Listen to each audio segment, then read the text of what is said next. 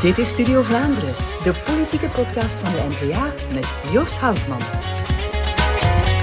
Welkom in een nieuwe aflevering van Studio Vlaanderen. De gast vandaag een geboren en getogen Waaslander, een vader van drie, een schepen, een federaal Kamerlid en een defensiespecialist. Inderdaad, onze gast Peter Buisrogge is het allemaal. Welkom in onze studio, Peter. Hallo. We vliegen er meteen in en dat is gezien het onderwerp nog niet zo'n rare uitspraak. Defensie. Ehm, lange tijd, als we het over defensie hadden, dan dachten we aan alles behalve oorlog. Hè. We dachten misschien meer aan Xavier Waterslagers, maar oorlog was ver van ons bed. Maar nu zitten we met de oorlog in Oekraïne, Midden-Oosten staat in brand, misschien komt er China en Taiwan. Uh, er nog troubles aan, drukke tijden voor een uh, commissievoorzitter.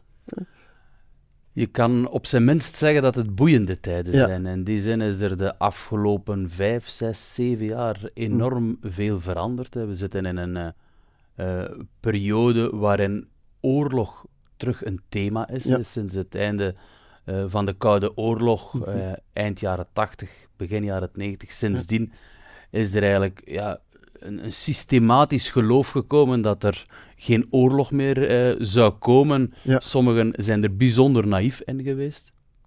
Maar er is eigenlijk een kantelpunt gekomen, ook uh, in, in hoofden van, uh, van de NVA, zal ik maar zeggen. In, in de vorige legislatuur, waarbij dat er de aanslagen zijn gekomen, waarbij dat terrorisme mm -hmm. ineens toch wel bijzonder actueel is. Hè. We hebben de aanslagen eerst in Parijs, vervolgens hier in Brussel, Zaventem en in Maalbeek gehad. Um, en dus sindsdien is er terug het thema veiligheid staat gelukkig terug uh, centraal op de agenda. Je ziet dat ook als je rondom ons heen kijkt, als je mm -hmm. Europa als onze schaal beschouwt ja. en als je dan ziet wat er rondom Europa allemaal uh, beweegt, gaande is, is dat toch iets waar we uh, bezorgd over moeten zijn. Je hebt inderdaad de oorlog in Oekraïne, je hebt uh, het Midden-Oosten dat in brand staat. Je, je zit ook met een ongelooflijk onstabiele omgeving in Afrika. Ten slotte is dat maar de Middellandse Zee overzwemmen en je bent in Europa.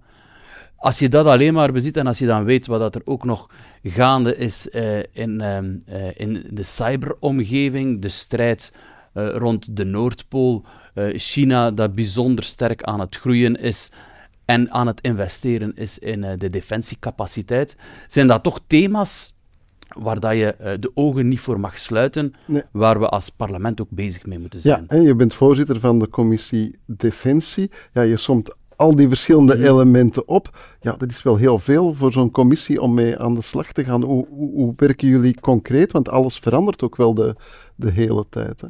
Als parlement, als commissie heb je verschillende bevoegdheden. We zitten ook met nog een aantal uh, subcommissies. Uh, om u een idee te geven, we hebben bijvoorbeeld een subcommissie buitenlandse missies. Daar krijgen we van de defensiestaf periodiek een briefing om te zeggen van uh, dat is de veiligheidsomstandigheid in, die, in dat land, in die omgeving, in die regio. Dat is de inbreng dat Defensie daar op dit moment levert. Zoveel mensen zijn daar actief. Dat is een opdracht. Um, dat is de missie waarbinnen op Europees of op uh, ander internationaal verband dat er gewerkt wordt. Dus daar krijgen we systematisch vertrouwelijke briefings in die besloten commissie buitenlandse missies.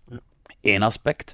Tweede aspect uh, is de ook een subcommissie, ook een vertrouwelijke commissie achter gesloten deuren, is de commissie leger aankopen. Ja. Uh, voorafgaand aan een regeringsbeslissing, want het is de regering die beslist om uh, legermateriaal aan te kopen, voorafgaand aan die regeringsbeslissing moet er een advies gegeven worden door de commissie leger aan- en verkopen, maar meestal gaat het over aankopen, ja. uh, moet die commissie een advies geven om te zeggen van kijk, dit dossier is wat ons betreft uh, een strategisch interessante beslissing, uh, wenselijk voor defensie, worden een aantal parameters gecheckt. En dan formuleert de commissie op basis van een nota vanuit Defensie, op basis van uh, adviezen, onder andere van Inspectie van Financiën, formuleert die commissie, die subcommissie, een advies. Dus dat zijn twee duidelijk afgeleide ja. rollen. Daarnaast heb je de, de, de, commissie, de publieke commissie, waar er natuurlijk over alle... Uh, dat is een soort overkoepelende... Een overkoepelende commissie, uh, waar ik dus voor, uh, voorzitter van ben, wordt daar wetgevend werk geleverd? Uh, worden daar wetten gestemd rond bijvoorbeeld het personeelstatuut van de mensen van, van Defensie? Maar kunnen we ook ondervragen, ook de minister, hebben we regelmatig uh, themadebatten, actualiteitsdebatten, vragensessies, om de minister te ondervragen over haar beleid, al dan niet met een, door een positieve bril bekeken. Oké, ja, dat klinkt heel interessant. En volgens mij is het nog interessanter geworden, want ons kwam ter oren dat er mogelijk spionnen actief waren in die commissie, actief voor, voor China. Hè? My Name is Lang, Vlaams B. Lang. Um, waande je even in een James Bond film met spionnen? Um, spionage, inmenging um, zijn thema's die ook lange tijd niet op de politieke agenda gestaan hebben. Misschien naïef dat we daar niet aan gedacht ook, hebben. Ook daar bijzonder naïef, want rondom ons heen uh, beweegt er van alles. en uh, moeten we meer dan ooit beseffen dat Brussel ook een hotspot is. Hè. We zitten hier met heel wat internationale instellingen. We, hebben hier, uh, we zijn de hoofdstad van Europa. We zitten hier met het hoofdkwartier uh, van de NAVO. Uh, dus denken van, ja, Brussel is op zich niet interessant als, ja. als stad om op een of andere manier dingen te kunnen vernemen, ja, dan ben je inderdaad bijzonder naïef. wat er exact gebeurd is, ik ga daar niet te veel op ingaan, maar we moeten er ons wel van bewust zijn als politici, als, als beslissingsmakers, zal ik maar zeggen, dat we kunnen benaderd worden en dat we daar niet naïef in mogen zijn en dat we onze eigen belangen voorop moeten stellen. Ja, um, over eigen belangen gesproken, we hebben in Vlaanderen een wereldhaven liggen. Ja, dan is het inderdaad niet zo zo'n dom idee om een fregat te sturen naar de Rode Zee, waar de handelsschepen ja, moeten verdedigd worden. Uh, tegen de aanvallen van de Houthi-rebellen. Mhm. Maar als je ziet wat voor fregat wij dan als federaal België sturen. Ja. Um, je spreekt over uh, de Louise Marie. Hè. Mm -hmm. Voor alle duidelijkheid, niet de Marie-Louise van Bart Kuil, maar de Louise Marie is trouwens het schip waar de uh, mooie stad Sint-Niklaas het Peterschap over heeft. Uh, maar dit uh, terzijde. Zijn de eh, Waaslanders. inderdaad. dus dat is een, een, een, inderdaad een schip dat, dat verouderd is, waar dat wel regelmatig updates aan gebeurd zijn, waar dat modern... Het is niet zo dat het materieel dat erin zit allemaal het materieel is van 30 jaar geleden, dus er is wel degelijk moderne apparatuur aanwezig in dat schip. Um, in dat opzicht uh, is Defensie en is de regering nu nog aan het bekijken voor welke opdracht specifiek uh, dat schip zal ingezet worden. er, is er, is eigenlijk, een principesbeslissing genomen ja. van uh, Defensie schakelt zich in in dat internationaal en dat Europees programma om een bijdrage te leveren in de strijd tegen de Houthi-rebellen, die er inderdaad uh, de, de, commerciële uh, vrachtschepen aan het, uh, aan het platleggen zijn. Dus Defensie zal met, met dat schip een bijdrage leveren. maar wat dat juist is, wat de, ze noemen dat dan de rules of engagement zijn, wanneer kan het ingrijpen, wanneer kan het niet ingrijpen, onder welke omstandigheden en dat soort dingen meer, moet nog verder verfijnd worden, moeten ja. we ook nog briefings over krijgen en ja. moet de regering nog verdere beslissingen over nemen. Wat wel zo is, uh, is dat uh, dat schip, we hebben twee fregatten op dit moment, twee verouderde fregatten. Vorige legislatuur uh, is er de verstandige beslissing genomen, onder leiding van de NVA, om nieuwe schepen, om nieuwe fregatten aan te kopen. Hè. Dus er zijn nu twee nieuwe fregatten in bestelling. Dat is nog een van de verstandige beslissingen die de vorige regering genomen heeft. Onder ja, maar die zijn er natuurlijk nu, nu Die zijn er niet, maar ja. dus daar is wel... Ja. De, het aankoopproces, eigenlijk de bouwfase, is daar nu gestart. Ja, uh, laat ons de, de fregat een beetje als, als metafoor uh, nemen. Uh, ehm, 30 jaar oud, wel wat aangesleuteld en, en, en, voorzien van modernere apparatuur. Is daar misschien een, een metafoor van hoe dat, uh, onze defensie ervoor staat vandaag de dag? Um, ja, ik denk dat er. Uh, ik ben daar eerlijk in. Ik ben uh, niet altijd even objectief. Hè. Ja.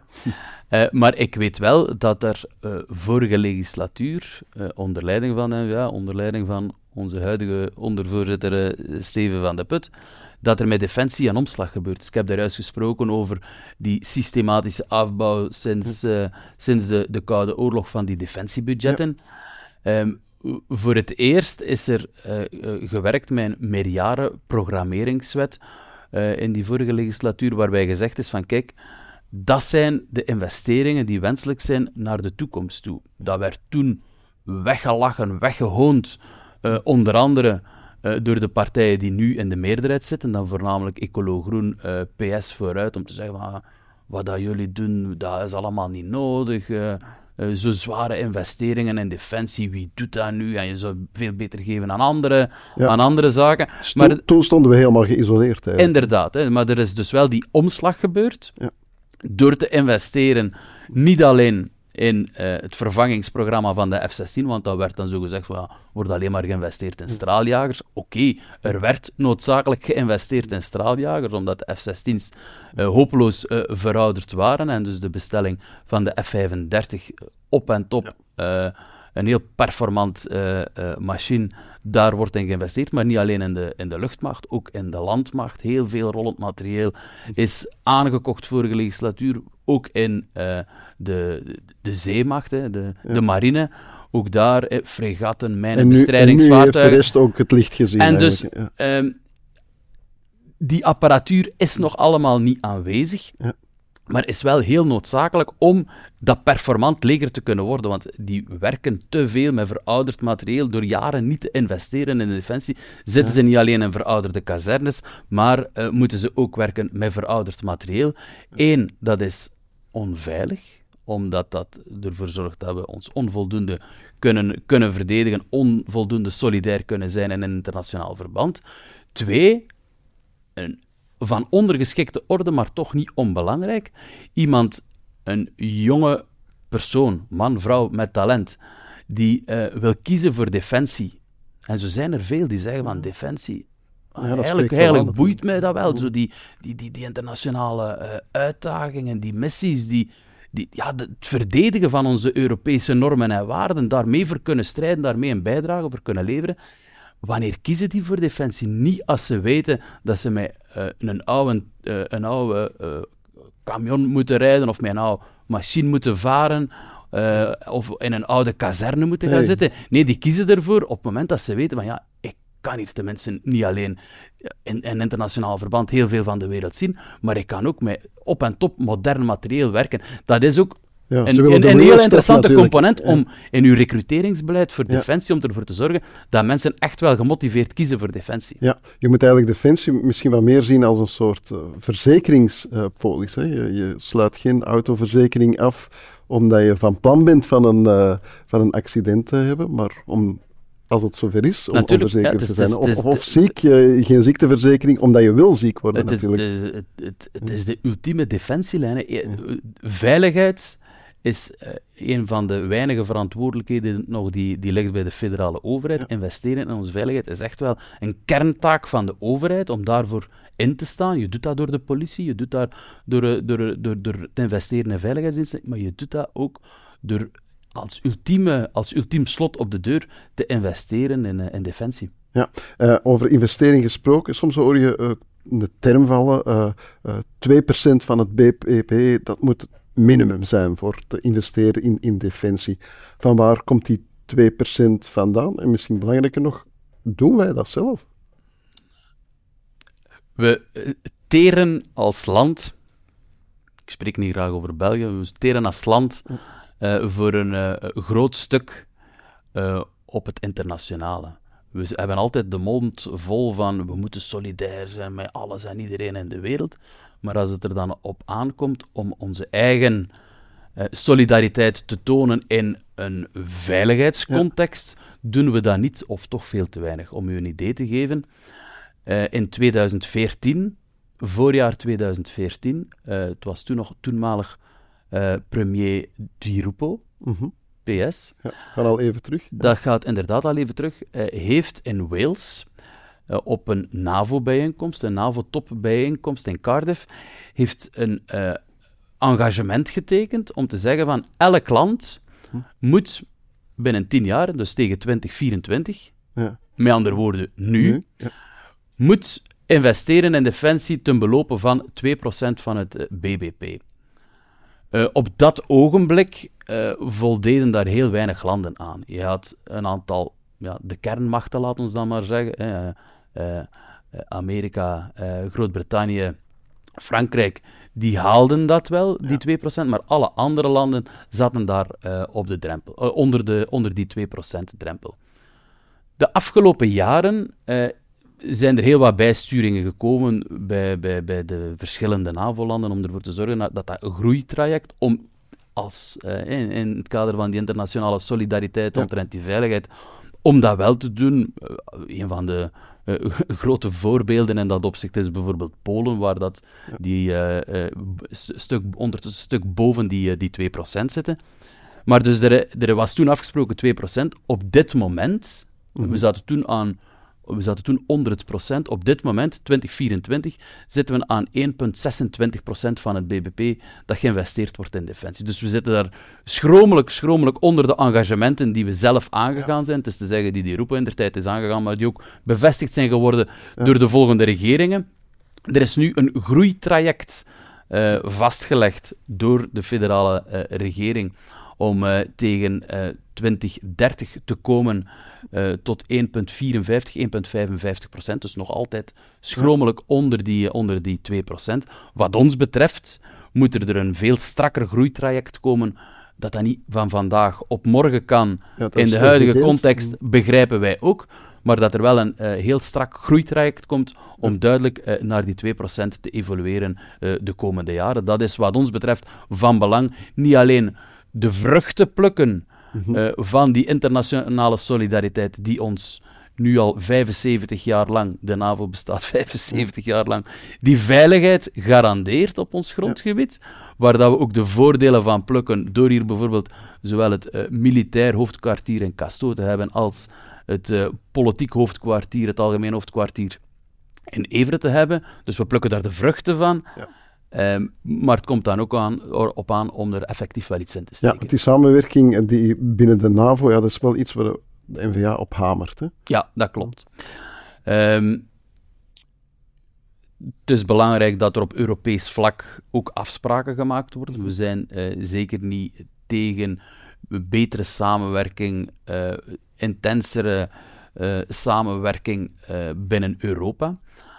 Maar het, de Noord-Atlantische Verdragsorganisatie, dus dat is de, de NAVO, zorgt ervoor dat we niet alleen als Europa zeggen van laat ons samenwerken en die, die veiligheidsparaplu garanderen. Nee, we willen dat ook met onze uh, uh, Atlantische vrienden, Canada en Amerika, willen we die samenwerking ook garanderen. En natuurlijk, de, de veiligheid en het veiligheidsapparaat en de capaciteiten uh, waar de Verenigde Staten over beschikken, ja, die veiligheidsparaplu is uh, zo'n grote veiligheid. Stel dat we zeggen, want soms gaan er stemmen op van nee, nee als Europa, we moeten autonoom zijn, we moeten niet, uh, niet, niet te veel samenwerken met, uh, met, met de Verenigde Staten. Laat ons dat eens zelf organiseren.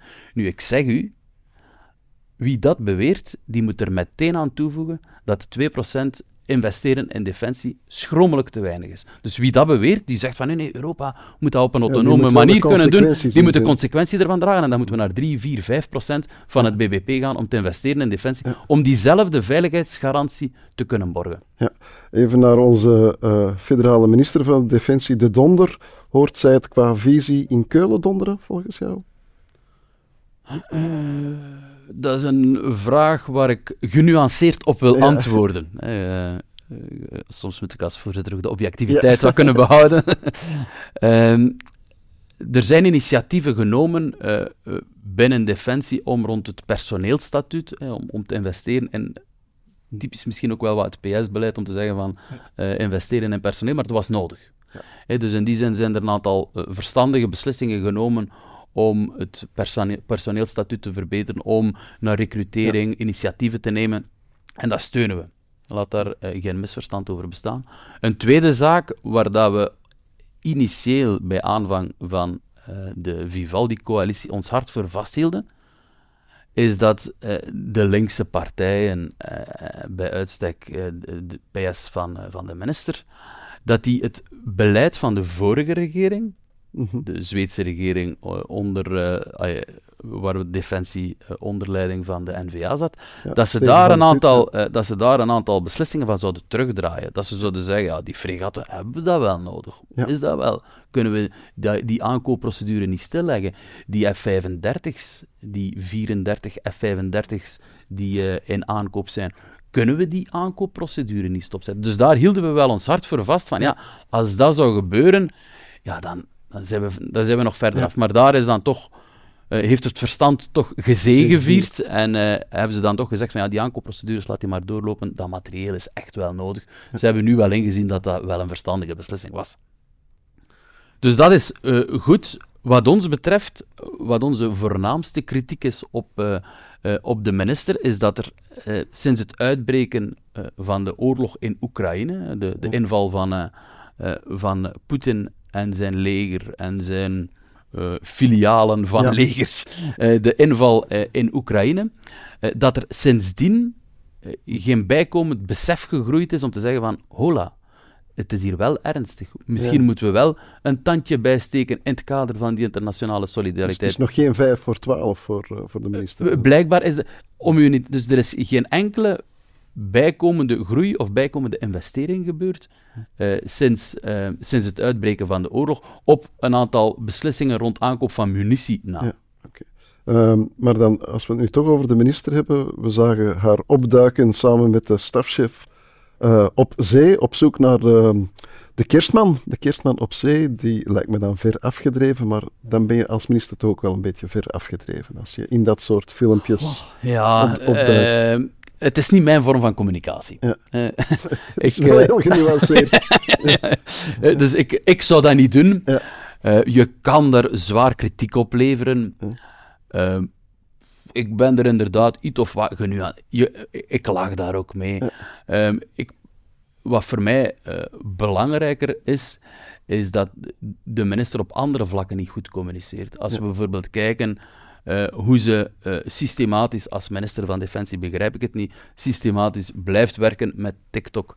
Als je ziet hoe de minister in haar communicatie systematisch mensen van Defensie, jongens en meisjes die op het veld zijn, um, uh, systematisch ook volledig in beeld brengt, dat ik denk van, dat is niet verstandig. Die mensen moeten uh, afgeschermd worden, wetende dat door allerlei technologie hun identiteit op die manier te grabbel wordt gegooid. Uh, als je ziet bijvoorbeeld hoe stug er gecommuniceerd wordt op vlak van, ja, waar is Defensie nu mee bezig? Dat kan allemaal veel moderner. En dan vind ik het filmpje, ik zeg het, ik zou het niet gedaan hebben, maar ik kan dat dan nuanceren. Dat zij denkt dat ze ermee hip is om op die manier te communiceren, is haar verantwoordelijkheid. Ik heb meer kritiek op haar echte communicatie die ze ja, voert. De communicatie die ze zou moeten voeren. En, en dat die uh, een heel uh, stuk beter en veiliger moet. Ja. Gesteld dat je nu zelf carte blanche uh, zou krijgen, welke dingetjes zeg je, ja, dan zou ik, mocht ik kunnen, op defensie dat en dat zeker veranderen of bijsturen? Welke zaken komen dan direct uh, boven? Ik denk in eerste instantie, eh, hoe dan ook, is het uh, wel wat een budgetkwestie natuurlijk. Ja. Hè, dus dat duidelijk groeitraject naar die 2% moet opgeschroefd worden. Ik denk dat dat echt wel iets ja, is waarvan, waar, waar ik op reken dat we dat als partij ook uh, verder mee op de kaart zetten. Ik zal er alleszins mijn steentje toe bijdragen. Ja. Dat is één, maar twee, dan ook concreter bijkomend nog investeren. Hè. Bijvoorbeeld, wij hebben nu die twee fregatten gekocht. Je moet eigenlijk, uh, om op een performante manier te werken, moet je over drie fregatten beschikken, waar dat er telkens één in training, dus dat is, ze noemen dat dan een drieslagstelsel, waar dat er één in training is, één in onderhoud en één operationeel. Dus dat ja. je eigenlijk continu ja, operationeel kan tijd, zijn met, ja. met, met minstens één schip. We moeten het aantal uh, F-35's, ik heb er juist van 34, 34 gesproken, moet het aantal uh, aankoop van F-35 moet opgedreven worden. Uh, internationaal, in NAVO-verband zijn ze er ook vragende partij voor, dat, dat er bijkomende ja. toestellen zouden worden aangekocht. Ik zou bijvoorbeeld ook... er is nu een, een, een, een, een zot idee binnen, uh, binnen Vivaldi dat onze drones, we beschikken over een, uh, over een aantal drones, dat die niet mogen bewapend worden. het is mij nog altijd niet duidelijk waarom, wat eigenlijk het, uh, de kwestie is. Dus er is eigenlijk een, een, een, ideologisch idee dat dat onmenselijk zou zijn, dat onze drones die we hebben, dat die niet mogen bewapend worden. Nu, uh, ik weet niet of dat onze uh, Vivaldi-regering goed weet wat dat er op uh, internationaal ja, terrein allemaal, allemaal, allemaal, aan bewegen is, hoe, een, hoe de conflicten tegenwoordig uitgevochten worden. Ja. Wie beweert dat het onethisch zou zijn uh, dat, dat die drones dat die bewapend worden, ja, je kan even goed zeggen, dan is gewoon oorlogsvoeren onethisch. En dat klopt ook. Ja. Maar dan specifiek dat element eruit halen om te zeggen van dat is onethisch, dat gaan we niet doen, dat is van een dergelijke naïviteit dat ik denk van dit is echt niet de, de veiligheidsparaplu waar ik op reken. En dan heb ik nog niet gesproken alleen over het actief inzetten mm. op, uh, uh, in, in, een aanvallende positie van het bewapenen van drones, maar ook om eh, bewapende drones te kunnen bestrijden, heb je diezelfde technologie ja, nodig. ja. Dus in die zin is dat bijvoorbeeld iets wat ik ook vanaf de eerste dag zou willen terugschroeven, dat die, uh, dat die drones wel mogen bewapend worden. Ja, iets totaal anders. In het begin van de uitzending kondigde ik jou aan als geboren en getogen Waaslander. Uh, je bent geboren in Sinai, niet de woestijn, maar de gemeente. Ja, hoe, hoe omschrijf jij jezelf als een... want je bent schepen in Sint-Niklaas. Ben je een, een Sint-Niklaasenaar, een Sinaienaar, als het al bestaat, of een Waaslander? Hoe zie jij jezelf? Um, elk individu is meerlagig. Ja. Uh, ook ik. Ja. Um, de lasagne van de Ja, de lasagne van de kroon, ja. Uh, nee, nee, uh, alle gekheid op een stokje. In eerste instantie ben ik vader, trotse vader en vierde echtgenoot van... ik heb drie kinderen. dus dat in eerste instantie. Ja. Um, mijn, ik ben een, en je, je spreekt het jammer genoeg verkeerd uit, maar ik neem, u, ik neem u dat niet kwalijk. Ik ben uh, in eerste instantie een, en nu komt het een Snoaner, dus uh, iemand van Sinai. onmogelijk um, wat een, voilà, Iedereen van het Waasland kan het, maar iedereen van erbuiten niet. En Sinai is een deelgemeente van Sint-Niklaas, dus, en als ja. schepen van Sint-Niklaas ben ik ook uiteraard Sint-Niklaasenaar. En als hoofdstad van het Waasland ben ik ook Waaslander. Hè. Dus dat zijn de eerste, de eerste lagen. Het Waasland ligt toevallig in Oost-Vlaanderen. Uh, de verbondenheid tussen de verschillende regio's in, het, in Oost-Vlaanderen is jammer genoeg niet zo heel sterk, moet ik, moet ik zeggen. Maar bovenal ben ik een vierde Vlaming. Ja. En ik denk dat dat ons allemaal wel wat bindt. Ja, en uh, die vierde Vlaming die staat voor een uh, heus campagnejaar. Ben jij een campagnebeest? Ik doe dat graag. Ja, ja ik, uh, ik, sommigen kijken er iets, uh, ook in het verleden, hè, van zo'n campagne, wat is dat, hoe moet ik dat doen, en borden zetten, en debatten, en uh, foldertjes gaan bussen, en al die hectiek, en mensen gaan dat beu zijn, gaan u aanspreken. maar ik hou daar wel van, ik, uh, ik doe dat graag. Het is nu wel een bijzondere dynamiek dat het op korte termijn ja. twee verkiezingen zijn waarvan dat de ene verkiezing wel invloed zal hebben op de andere. dus in die zin staan we voor een bijzonder boeiend jaar. Maar uh, ik kijk er met heel veel plezier naar uit en ik ben ervan overtuigd dat iedereen zal kiezen voor meer Vlaamse welvaart. Dat is de beste afsluiter die ik me kon inbeelden. Uh, dank voor de heel heldere uitleg over Defensie. Veel succes ook in de campagne. En ik dank ook u, beste kijker en luisteraar, op naar een volgende Studio Vlaanderen.